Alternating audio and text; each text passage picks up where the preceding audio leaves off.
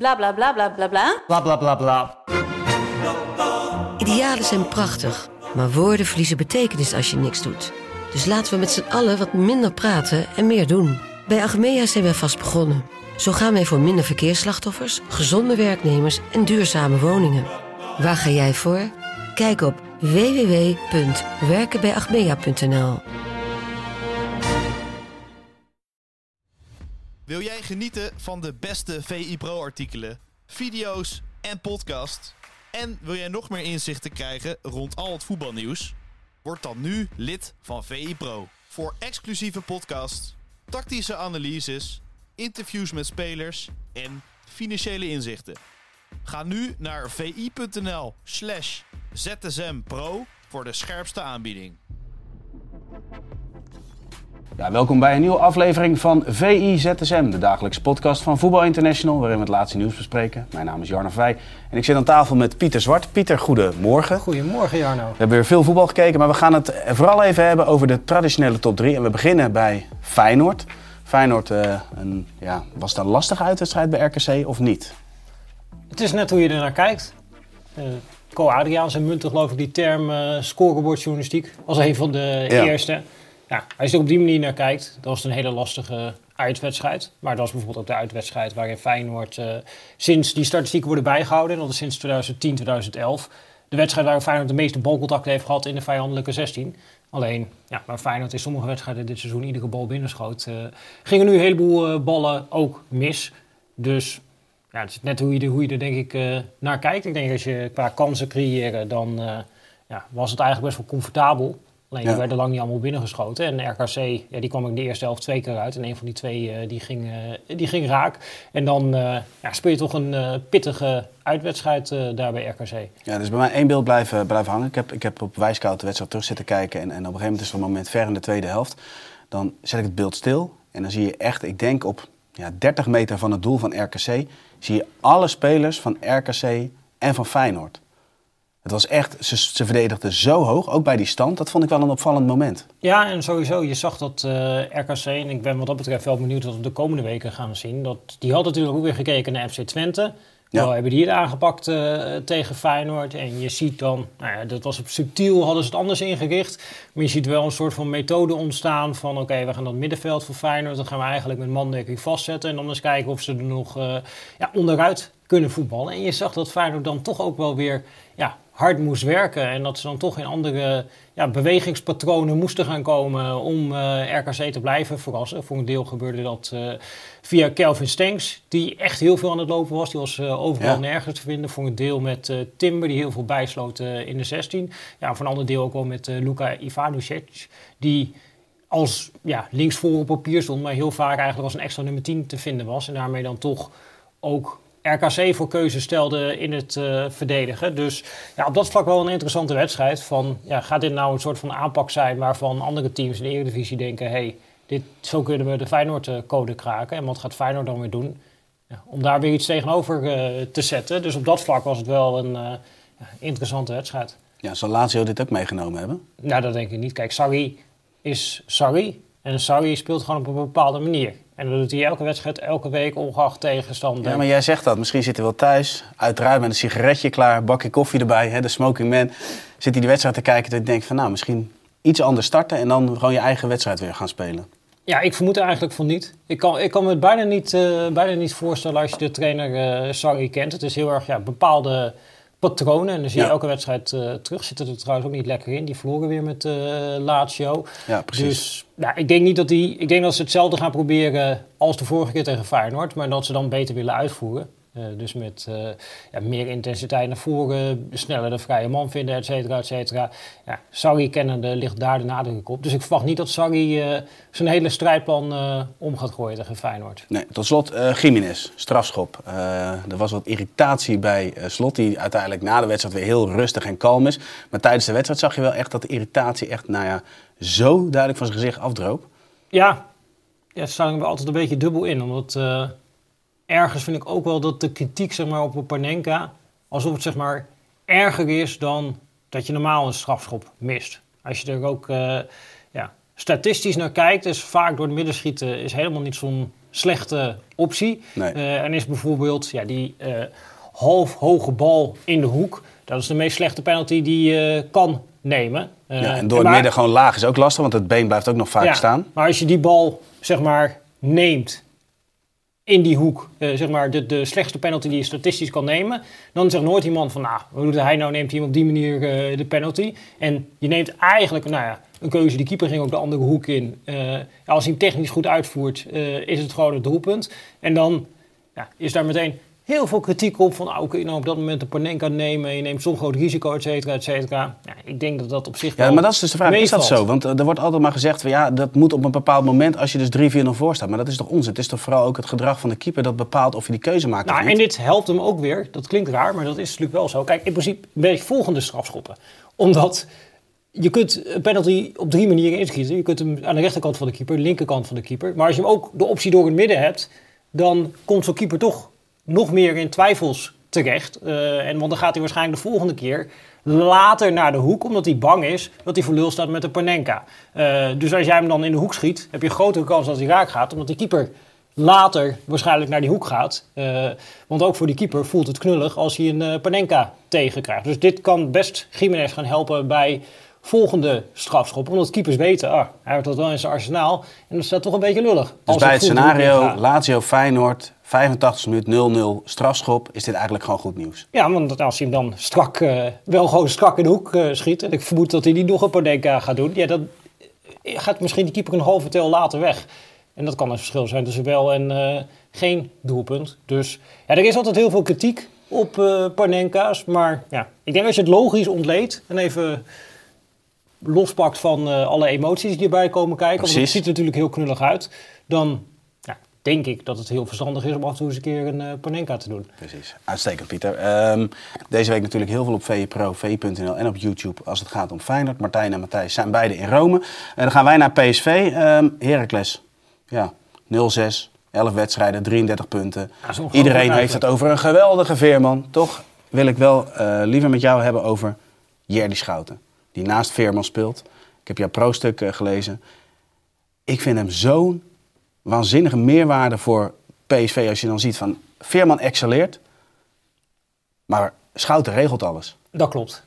Ja, ik denk dat dit de meest onmisbare speler is bij PSV. Ze hebben ook eigenlijk niemand anders die op zijn plek kan spelen. Ja, in de tweede helft deed dan eh, Joey Veerman dat. Maar dat hij gewisseld wordt bij Rust, dat zegt denk ik veel over Schouten. Omdat Bos weet, ja, als ik hem kwijtraak eh richting die belangrijke fase... of als hij er niet bij is tegen Lans...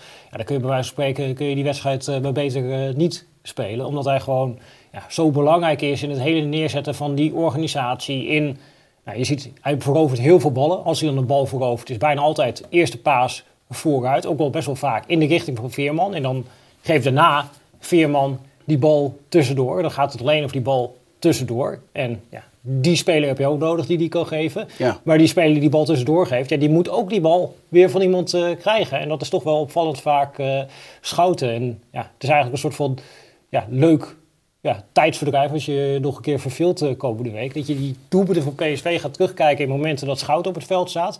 En het is toch wel echt verdacht vaak zo dat er, ja, als je spoelt hem terug, dan zie je op een gegeven moment een geweldige paas van Veerman. En dan spoel je nog eens verder terug. En dan zie je op een gegeven moment Schout iets doen wat je eigenlijk alweer helemaal vergeten was. Maar wat dan toch wel ja, heel belangrijk is bij het eh, opzetten van zo'n aanval. En ja, die heeft zo'n waanzinnige waarde voor eh, PSV. Ja, en ik denk ook wel dat hij ja, met zijn spel een kans in de Nederlands elftal ja. verdient. Met, ja, er komt natuurlijk een groot toernooi aan. We zijn nog steeds een beetje zoekende daar op het middenveld. Ja, we hebben natuurlijk ook nog Gibraltar na Ierland. Dan is Nederland waarschijnlijk al geplaatst.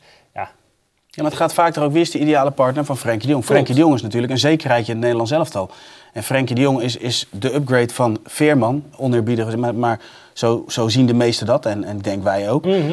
Dan is toch, als je, als je kijkt van, Martin de Roon heeft natuurlijk met momenten heeft het heel goed gedaan. Als je kijkt over balans bewaken en Mhm. de controle houden op het middenveld. Maar uiteindelijk wil je ook dat daar iets meer uitkomt in balbezit. En dan zou hij toch de ideale man zijn daarnaast. Dat denk ik wel. En het is natuurlijk ook veel over Tijani Reinders ge- gegaan. Maar ja, als je die ook ziet hoe die speelt bij Milan. In een hele aanvallende goal. Hoe hij speelde bij AZ. Had je Klaasje er eigenlijk Ja. naast die het regelde. En wat hij ook de loper. Eh, en ik denk dat je best misschien met een middenveld met Reinders en de Jong kan spelen. Misschien als je met drie centraal achterin speelt. Dat het ook nog wel kan qua organisatie achter de bal. Maar stel dat jij terug naar 4-3.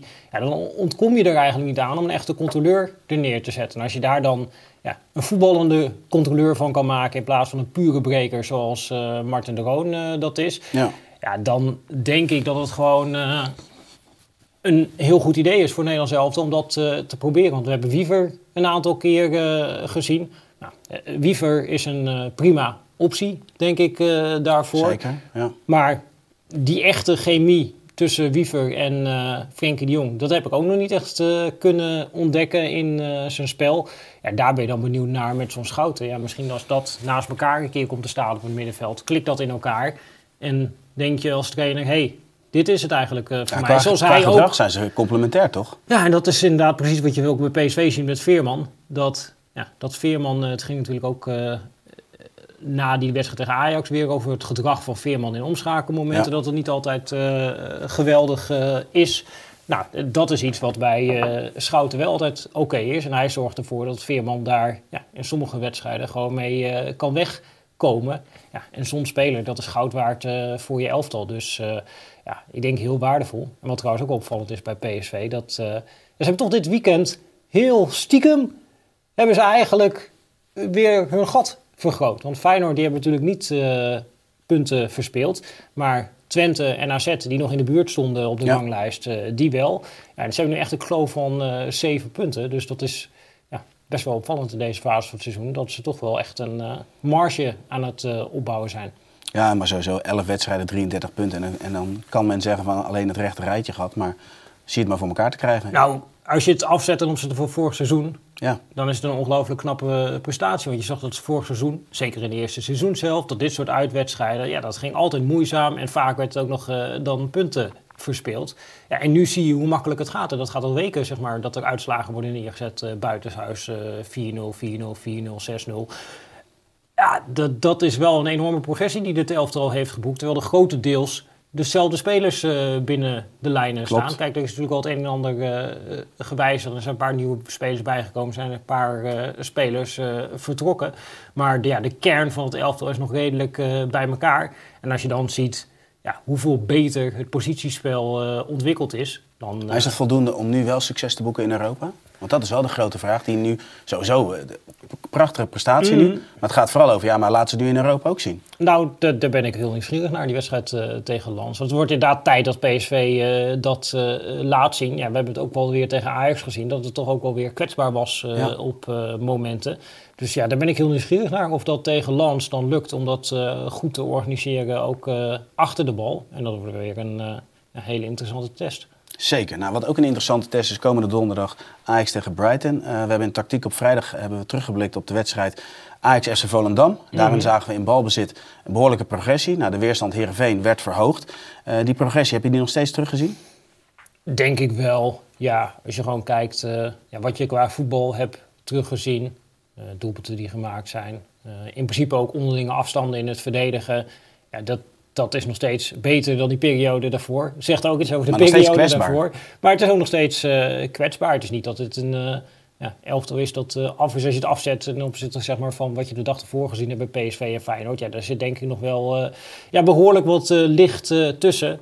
Dus ja, er moet nog wel wat gebeuren. Maar je ziet wel dat er ja, bepaalde vastigheden ontstaan. Je ziet ook voor het eerst dit seizoen een trainer bij Ajax die, nou, die gewoon een keer een elftal laat staan, spelers vertrouwen geeft, voert veel individuele gesprekken met die spelers. En ja, ook ja, wat die gasten uitstralen op het veld. Ja, je ziet dat er weer een beetje plezier en lol is uh, bij Ajax. en daar begint het misschien ook wel een beetje mee. En ik denk, ja, Branko van der Bomen als controleur, dat dat ook wel echt ja, bepalend is voor wat we. Ja, van Berghuis en, Van der Bomen wel echt opvallen. Zeker. Ja, Berghuis die was denk ik midweeks dat hij ongelukkig was in zijn acties. Gaf hij zelf ook toe dat hij soms te veel aan het nadenken was. Ja, die was nu toch bij drie van de vier doelpunten was hij, uh, betrokken. Ja, die, die is ook wel echt uh, ja, weer richting niveau aan het gaan. En dat zie je nu met het hele elftal gebeuren. Alleen, ja, wat dat betreft, uh, ja, misschien balen ze er stiekem ook wel een beetje van bij Ajax. Dat je dan nu tegen Brighton gaat spelen. Kijk, die zijn ook niet in absolute topvorm. Die hebben in Engeland heel veel moeite met ja, al die ploegen die net als Ajax eh, de vorige keer Ja, tegen Brighton een eh, muur eh, optrekken. Daar Code is daar gekraakt, hè? Ja, dat is wel enigszins aan de hand, ja. En dat was nu tegen Everton, was denk ik een van de eerste teams die dat deed eh, vorig seizoen. Eh, en ja, die wonnen ook weer niet eh, van Everton. Dat was weer zo'n wedstrijd met 75% balbezit, maar er dan niet echt doorheen komen. En je ziet dat ze die tactiek ook een beetje proberen te wijzigen. Dus ze spelen nu vaak met een linksback heel hoog en dan Mitoma meer aan de binnenkant. Nou, dat is ook weer interessant. Van wat gaat Ajax daar tegenover stellen? Ja, daar hebben ze nu een paar dagen voor. Eh, en ja, dat wordt voor Ajax natuurlijk ook wel een interessante eh, testcase. Want ja, je ziet dat ze nu tegen ja, teams middenmoot, rechterrijtje, eredivisie... Nou, dat, dat ze dat aan kunnen. Maar ja, Brighton... eh ja, Louis van Gaal zou zeggen, it's a different cook. Different Cook. Tot slot, we hebben vanmiddag het rondje Eredivisie op VI Pro. Een van de stellingen is dat eh Akpom een kans moet krijgen in de spits van Ajax. In de basis wel in dit geval. Ehm, hoe kijk jij daar tegenaan? Nou, dit is wel een echte spits. En die, hij laat natuurlijk vanaf de bank zien dat hij weet waar hij moet staan om doelpunt te, te maken. Ja. Je ziet ook wel, het is wel best wel opmerkelijk bij hem als je hem analyseert dat als je hem in het meevoetballen ziet, dan denk je die heeft geen techniek. Maar als je hem in het afronden ziet, dan zie je links, rechts, hoofd, eh, dat hij heel vast is eh, in eh, het eh, afwerken. En dat hij daar toch ook wel echt ja, specifieke kwaliteiten heeft. Dus ja, eh, moet een kans krijgen.